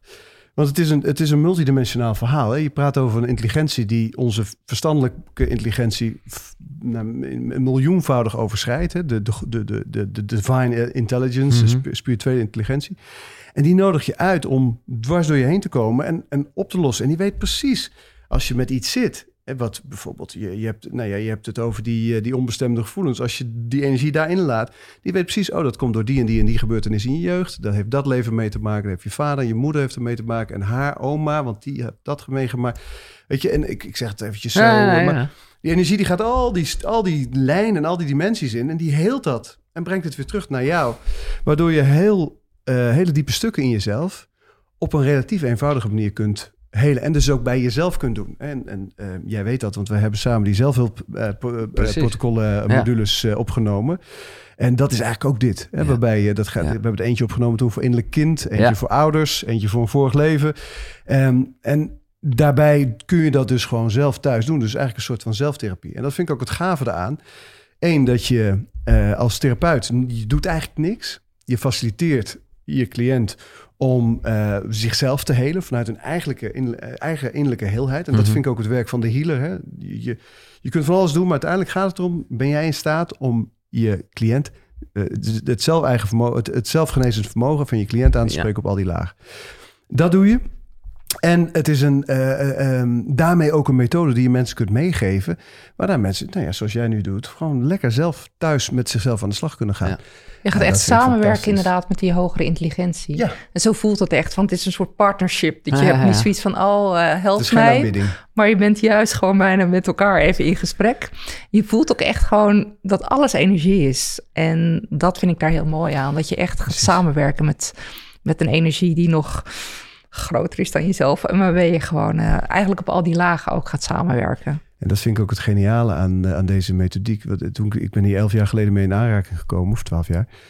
Ehm, er zijn heel veel mensen die hebben het over hoge zelf, over de ziel, over Mhm. wat ik ben. Maar er zijn weinig mensen die zich hebben gerealiseerd, wacht eens eventjes, maar daar kan ik ook mee werken. Want ik ben Connecten, dat. ja. ja Het is ja. gewoon mezelf. Ja, Dus als ik het hoger deel van mezelf, hè, laat het even hoger laag, maar het, het grote deel van mezelf, als ik dat uitnodig, dan komt het ook nog. Ja, en als je dat gaat ervaren, ehm, dat is, dat is, dat is, het, is, het is echt magie. ja maar het is ook... hele, hele en- witte magie. Het is ook heel... eh, het kan ook overweldigend zijn, hè? De, ik bedoel... eh, Als je het voor het eerst meemaakt, is dat, kan het heel dat overweldigend zijn. ja. Ja. Nou, en, en ik weet wel dat het ook een beetje in, in, in ehm, de, de Trauma Talks extensie zit die wij gemaakt hebben met, met die eigen oefeningen thuis. Maar ik hoor het nu, eh, ik weet niet of je ochtendroutine klaar is, Christine. Ja, en Ja. dan ja, soms ga ik dus ook nog mediteren en yoga doen. Ja, Maar ehm, over het algemeen eh, andersom. ja. Ehm, ja, Ja. als ik een snelle dag heb, dan doe ik het zo. Nee, oké. Ja. Nou ja, en maar met yoga zeg je het eigenlijk al. Want dat is iets... Nou, ik weet dat eh, zowel Jan Bommeré en, en, en ja, Bessel van der Kok... die schrijft daar ook over. En ik ervaar dat zelf ook wel zo. Bij mij is dat ook een ingang geweest. Kijk, je hebt het over spiritueel, eh, mentaal, emotioneel en fysiek. Ja. Dat is wel iets... eh, nou ja, nogmaals, het is meer een, een beetje projectie vanuit mezelf... dat ik heel erg ja, let- voel van hoe belangrijk dat is. Want we kunnen heel erg lullen. We kunnen eh, dingen eh, begrijpen. Ja. Eh, maar Hier gebeurt het. Ja, ja, ja. En dat doe ik ook nog drie keer per week. Ga ik ook nog het water in. Ik woon aan het water in Apkoude. En dat vind ik ook echt magie. Gewoon zomer en winter. Gewoon dat Ja, water in. En ook gewoon lekker echt gewoon omgeven worden door de natuur. Gewoon echt op je huid. En dan ga je dan terug naar binnen toe. En dan heb je de hele dag zoiets van... ah, Ja, je in de sauna ja, bent geweest. Ja. Nou, op het einde van het boek komen ook echt eh, wel eh, de oplossingen. De EFT wordt even aangestipt. Yvonne die er wat over zegt, die ook eerder hier te gast is geweest. Ja, ik wil nog één ding sowieso met jou aanstippen, eh, Robert. Want eh, ik heb jouw filmpje daarover me- met, met open mond zitten kijken. En je refereert er ook over in het boek. En er staat ook een linkje bij naar de film. Dat is de, het, het vasten. Ja. Eh, ja, nou, kan je daar iets over zeggen? Want ik ben, zoals je weet, iemand die graag... eh, nou, ik ben nieuwsgierig. Heb je, je hebt er niet, nog niet iets mee gedaan? Nee, niet ja. op Oh, die is- extreme manier. Ik bedoel, vasten ben ik bekend mee, maar eh, hè, meer vanuit, eh, nou ja, eh, hè, meer intermittent fasting en, en, Ja. en soms een keer misschien eh 40 uur of zo. Maar dit is wel echt next level. Ja. Wat jij of wat jullie gedaan hebben. Ja, maar dat, dat, is, dat, dat doe ik niet. Hè. Dat, dat- ik heb het bij iemand gedaan. Ja, En dat is Brahman Menor. ja, En Brahman eh, die, is, eh, die kwam op een gegeven moment op Terra Nova af. Zei, joh, ik wil wel weken bij, bij jullie gaan geven. En ehm, eh, toen zei ik, oh, dat is goed, maar dat doe ik zelf mee. ja. Ik ben continu op zoek naar nieuwe methodes. En, kijk, en in eten zit heel veel trauma. Heel veel van wat we in onze mond stoppen, en, en drinken ook trouwens, dat is om als Te verdoven. Ja, Precies. Ja, ja. Dus ik was heel benieuwd, wat zou er nou gebeuren? Ik moest in totaal eh, eh, twaalf dagen vasten. Waarvan een deel fruit vasten. Hè, en, maar vijf, twaalf vasten. Waarvan drie dagen helemaal niks eten, helemaal niks drinken. Dus heb je het idee, na twaalf uur ben ik dood. Dus ik eh, drie dagen niet. Maar je kunt dus heel goed en nog veel langer. Want Brahman zelf, die eh, eh, zegt in elk geval... en ik geloof hem daarin... dat hij al dat hij een periode van vijf maanden... achtereen niet gegeten, niet gedronken heeft. Nou, mijn goede vriend Roy Martina... die heeft dat ook wel eens gedaan, Ja. zo'n periode. Ja, dus kan het kan gewoon. Nou ja, het, kan, eh, het kan gewoon. Ja, maar En als je dan die weer drie zo... dagen, Nou, dat was wat, wat fascinerend. Want wat hij doet in die retraite... is zeg maar een, een hele intensieve ademhalingstechniek. Die gebruik ik zelf ook in de transformatie Maar op deze manier, met dus zo, zo, zo diep in die eetconditionering... had ik het nog niet ervaren.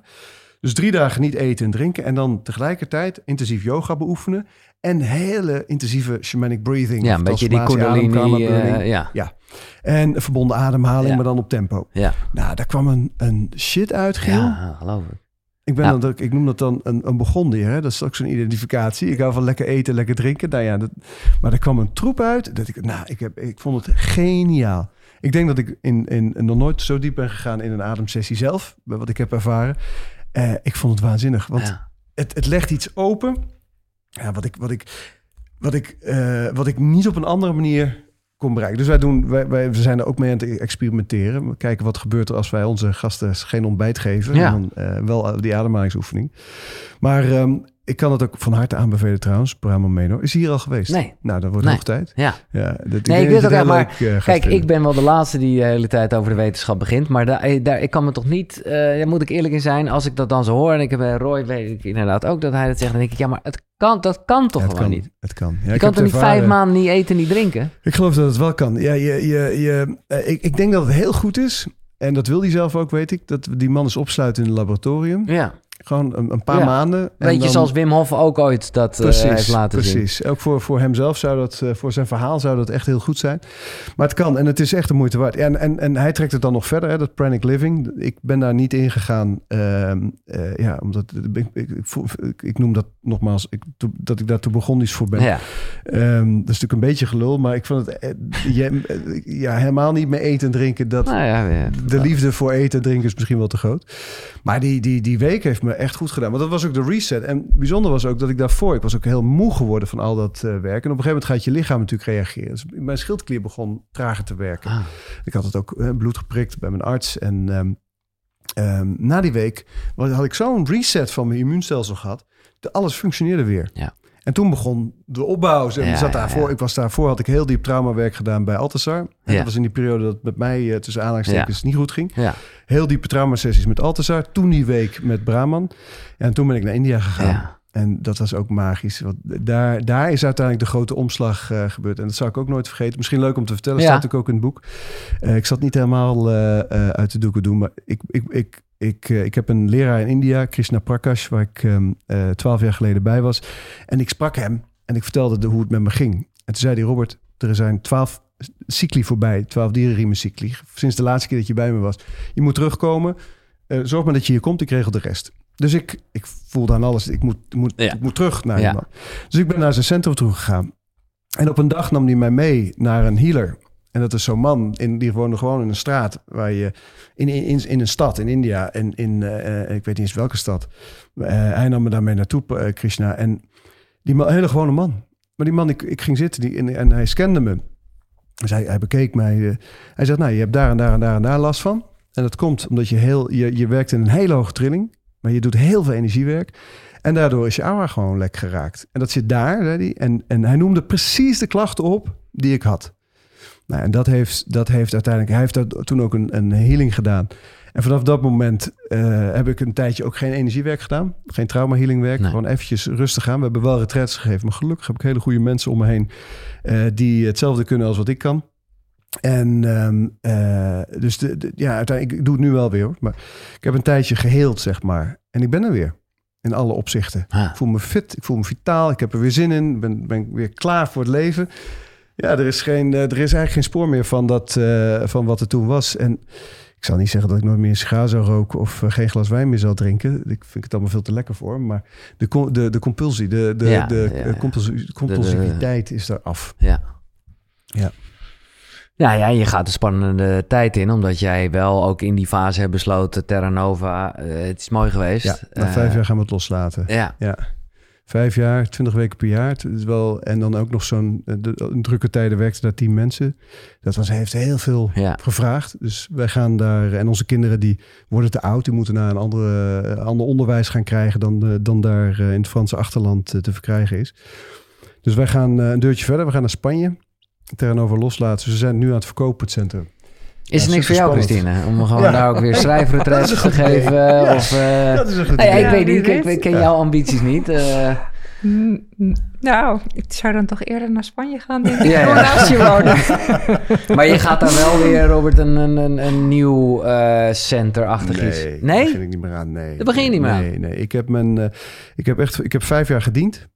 Vijf jaar lang alles gegeven wat ik heb. Ik heb vijf jaar lang geen podium gezien. Ik heb nog wel wat boeken kunnen schrijven, gelukkig. Ja, Maar ik heb echt, echt mijn... mijn eh, ik, ik zie het als een soort diensttijd, maar dan in Ja, lichtwerkerszin. ja. Ik heb vijf jaar lang alles gegeven wat ik had. Ik heb meer dan eh, 2000 mensen daar mogen, eh, mogen helpen die op retraites kwamen. 45 mensen die daar gewoond en gewerkt hebben. Ehm, mijn, ik, eh, en, en daardoor zelf ongelooflijk gegroeid. Hè? Want vijf jaar geleden eh, en, en nu zijn twee verschillende eh, versies van mij. Ehm, dus ik heb heel veel gehad. Ik had voor geen goud willen missen ook. Maar het is zo wel even, het is wel genoeg nu. ja. Ik heb inmiddels 350 transformatiecoaches opgeleid. Dus die kunnen Die doorgaan eh, met dat ja. werk. Dus iedereen kan in Nederland terecht. Ik- We willen ook eh, dit soort weken, transformatieweken, wel vanuit Bridgman Academy in Nederland gaan aanbieden. Maar dan met de coaches die ik heb opgeleid.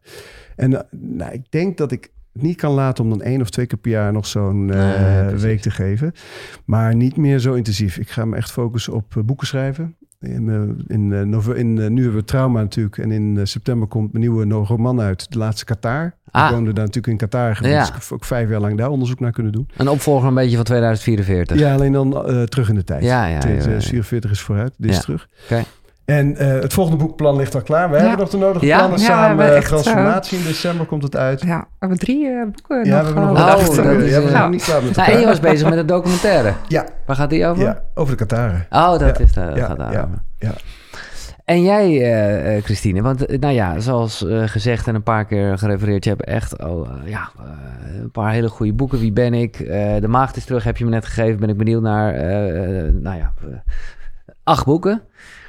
Maar dit, nou ja, is toch wel een soort life-changing event geweest. Eh, daar, daar, eh, dat is ook heel gaaf om te lezen en daar, daar leef je als, als lezer ook heel erg in mee.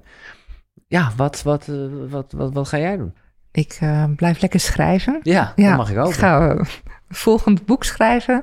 En we gaan samen nog eh, twee boeken schrijven, hebben we bedacht. Want het is ook ons heel mooi proces geweest om samen te schrijven. Dat vond ik Nou, ook wel een soort spannend, weet je wel. Van schrijven is ook een soort, een soort heerlijke eenzaamheid. Zo van je opsluiten in je bubbel Ja. en eh, de wereld gaat heerlijk aan je voorbij.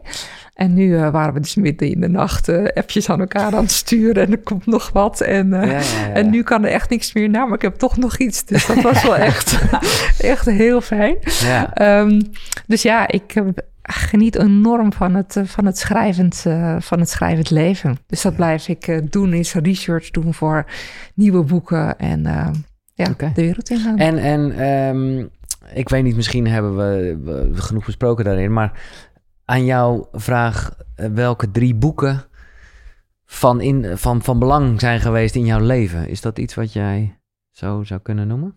Ja, ehm, ik zag hem toevallig hier bij jou in de kast staan. Een van de boeken waar ik ongelooflijk van hou is uh, Dagelijkse Rituelen van, van kunstenaars.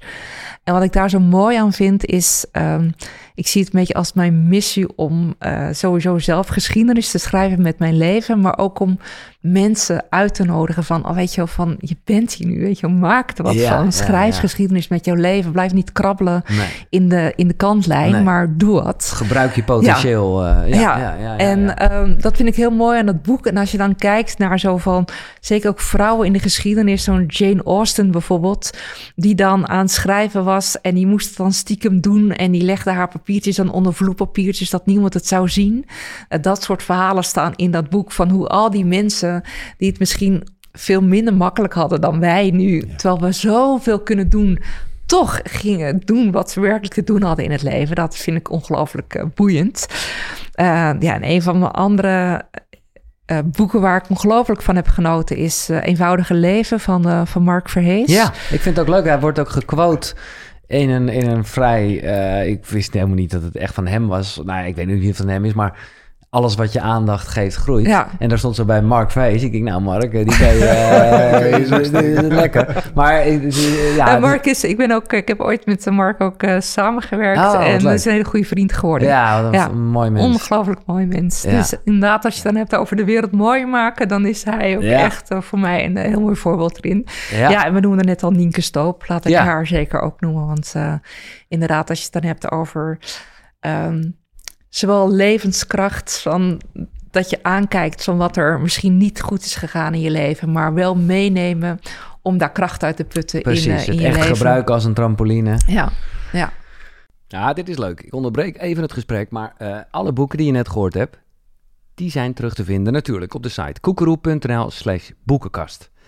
Maar ik heb een extraatje, want daar vind je ook een link naar een aanbieding van Nextory, waarmee je alle boeken 50 dagen gratis kan lezen en luisteren. En hebben het niet alleen over deze drie boeken, nee, er staan daar 300.000 luisterboeken en e-books. Dus ga naar koekeroe.nl slash boekenkast om 50 dagen lang gratis Nextory te gebruiken. Top toch? Thanks.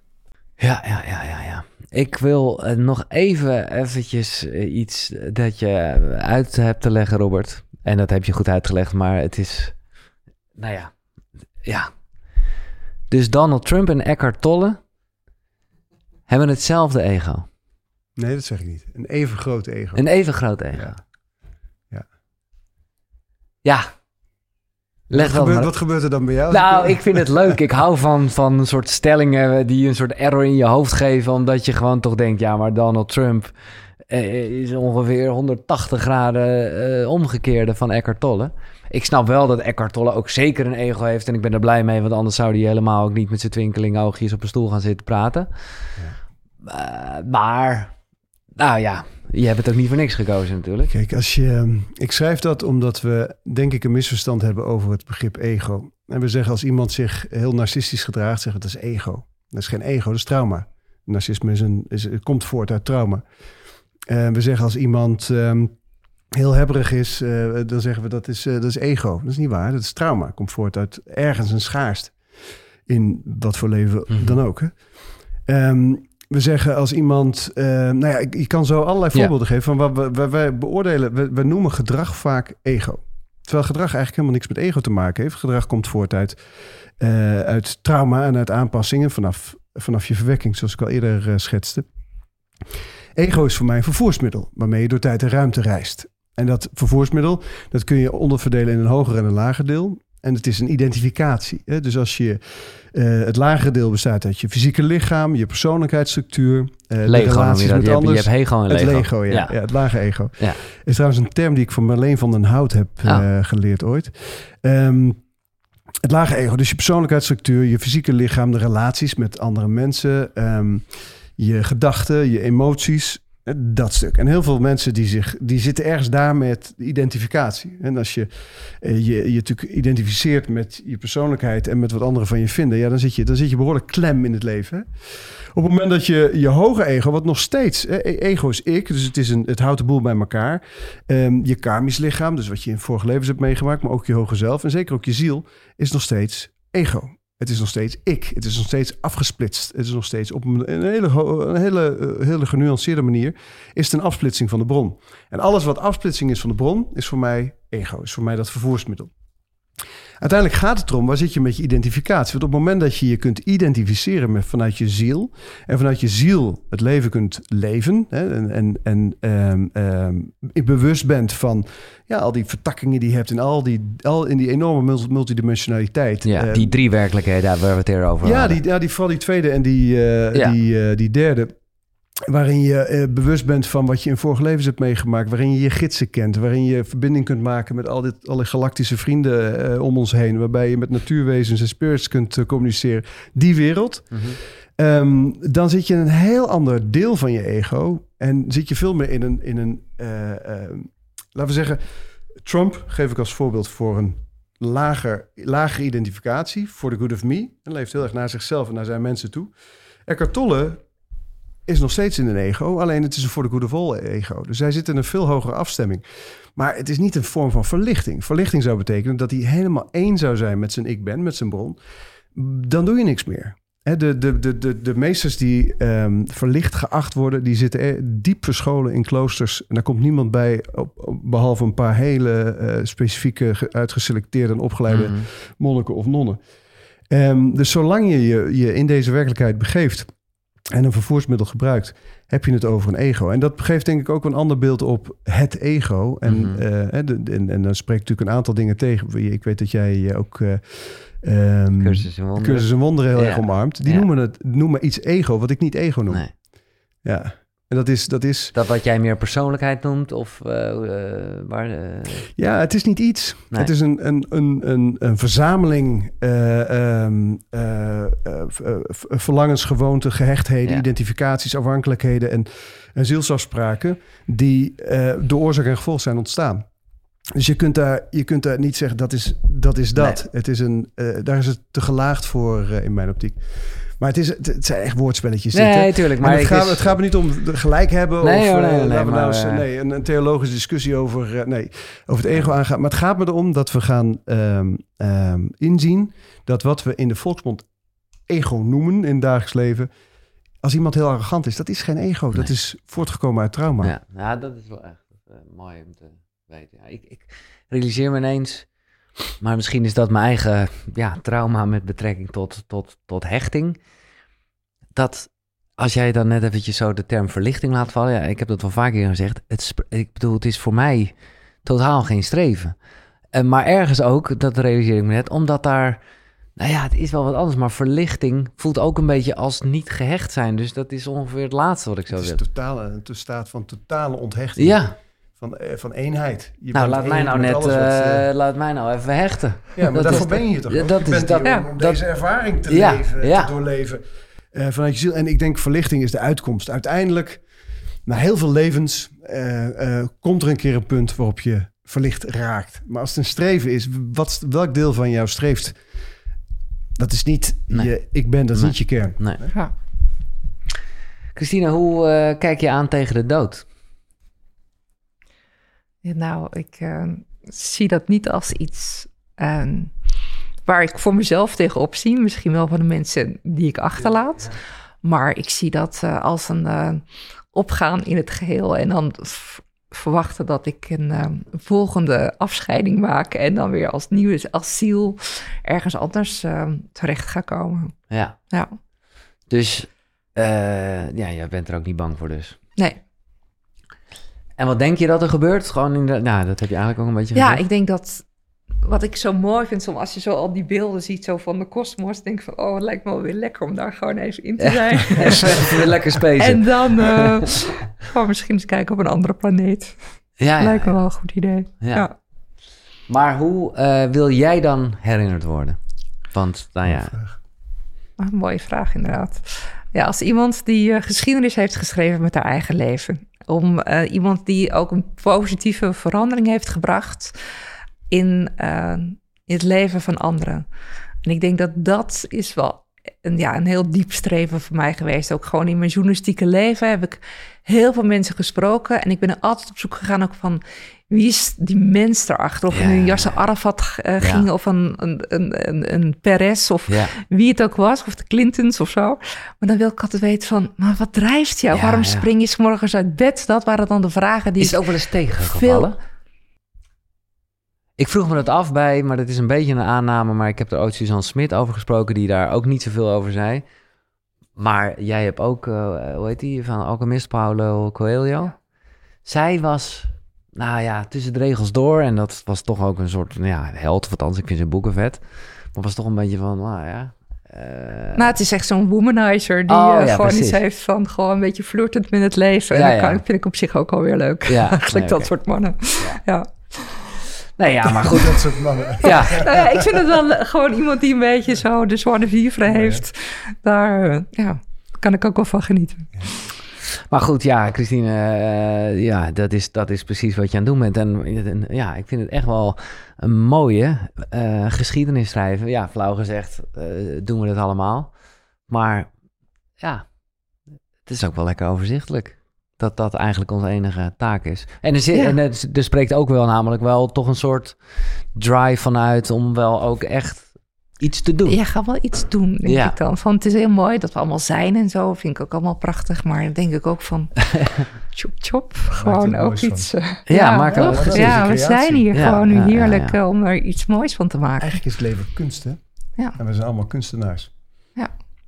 De scheppers Ja. van schoonheid. Ja. En Ja. allemaal, hoe noem jij je ouders ook alweer? Want dat zijn we ook wel Goed bedoelende amateurs. goed bedoelende amateurs. Ja, wat ik dat echt top vind. dat vind ik zo fijn, joh. Ik ook. Oh, en ik ook omdat, ik ken het heel erg eh, vanuit de radio, ja, radioamateurs en zo. Maar amateur is ook liefhebber. Ja. Ja. Dus eh, dat is, nou ja, dat. Dat, dat, dat is wat we doen. Dankjewel, uh, alle twee. Eh, Robert, eh, in het bijzonder dat jij en hier weer wilde zijn en waarmee je bezig bent. En ik verwijs toch nog eventjes naar de Trauma Talks. Ja. Die we hier gemaakt hebben. Ja. Nou, en daar geven we ook een boek bij, hè? Hebben we afgesproken. ja, je doet hem eigenlijk andersom. Ja, ja, ja, ja. We hebben toen die vier podcasts overgenomen over trauma. Wat is trauma? Hoe kom je eraan? Ja. Eh, die vier podcasts hebben we ook verwerkt in het boek. hè. Ja. Dus mensen, er zitten allemaal eh leercodes in ja. het boek... waarmee je allerlei cursussen en verdiepingen kunt, eh, kunt doen. En onze podcasts zitten daarin. Omdat dat, ja, wat is, wat is trauma? Hoe kom je eraan? Hoe kom je eraf? En welke methoden zijn daarvoor?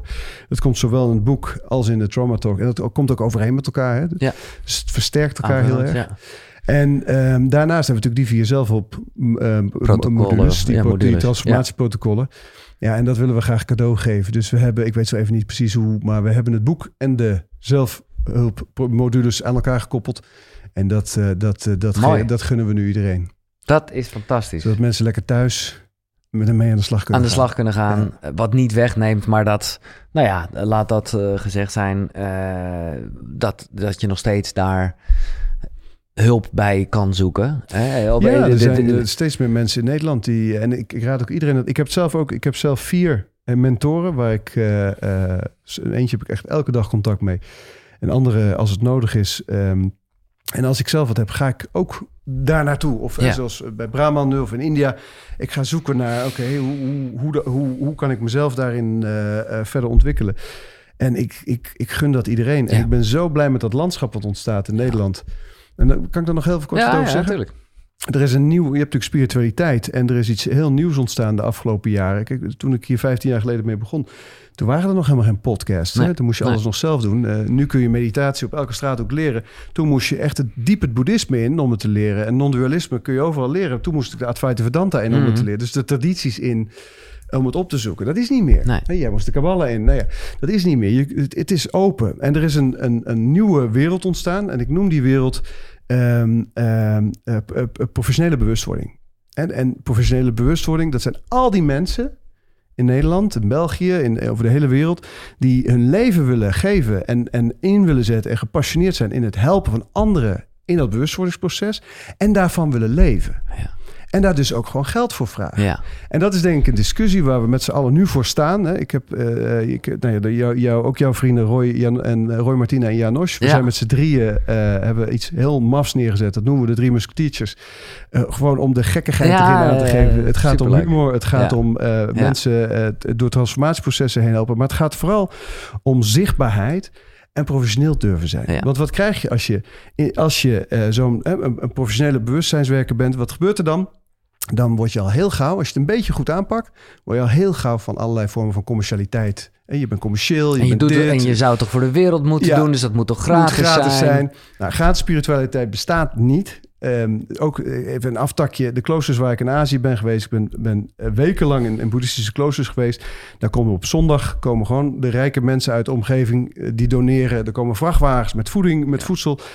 Het, het, komt, het moet links of rechtsom, het moet ergens vandaan komen. Ja. En als, als, als je er niet voor betaalt, dan moet een community het kunnen dragen. Dat is niet meer. Dus al die mensen die nu bezig zijn met professionele bewustwording, die willen we eh, met elkaar, en dat, dat, dat proberen wij ook, maar dat probeer ik ook eh, met Roy en Janos, een soort hart onder de riem te laten te, te, te geven. Je mag zichtbaar zijn. Dat mag je met humor doen, met verven doen. En trots zijn op dat je gewoon goed bent in wat je doet. De verbinding, hè, drie mannetjesputters die hun methodes Ja. met elkaar delen en Ja, verbinden. Dat is, ja. Eh, dat hoort er ook bij.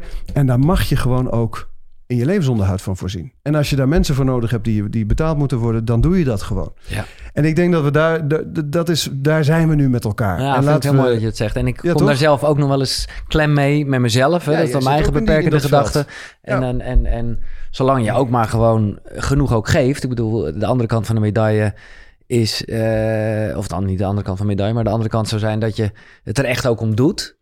Eh, hè? Dat Maar- gaat weer een stap verder dat is dan weer het Dat- andere. Dan kom je op zelfverrijking. En ja, dat is, en dat dan, waar eh, maar daar gaat. zit, daar zit nog heel veel tussen. Ja, en eh, precies. Nee, daar zijn we het heel erg eens. En ja, wat ik hoop, in, zoals jij het net schetst, waarbij jullie, nou ja, toen jullie zelf aan de slag gingen met spiritualiteit, daar echt nog op zoek naar moeten, hoop ik heel erg dat, nou ja, dat informatietijdperk waarin we nu zitten, dat dat zorgt voor de Juist. transformatie. Juist. Ja. ja, we gaan. Jan Mommeré zegt dat ook zo mooi. Het transformatietijdperk, dat is de volgende. Hè? Is dat toch? Ja, daar zijn, we, daar, zijn, daar zijn we eigenlijk al.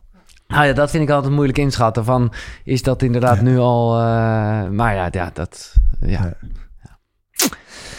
Fijn jongens, Eh, ontzettend bedankt. Ik ben benieuwd naar alle reacties. Ik eh, kan me voorstellen dat dit ook wel weer een hoop, eh, nou ja, op een goede manier in beweging zet bij mensen die nu toch durven toe te geven dat, je, dat ze, eh, of jij of zij een trauma hebben. Want je bent gek als je het niet hebt. Voilà. Eh, Robert Christine, dankjewel. Dankjewel. Dit was uh, Koekeroe. Tot de volgende zonnegroet. Hoi.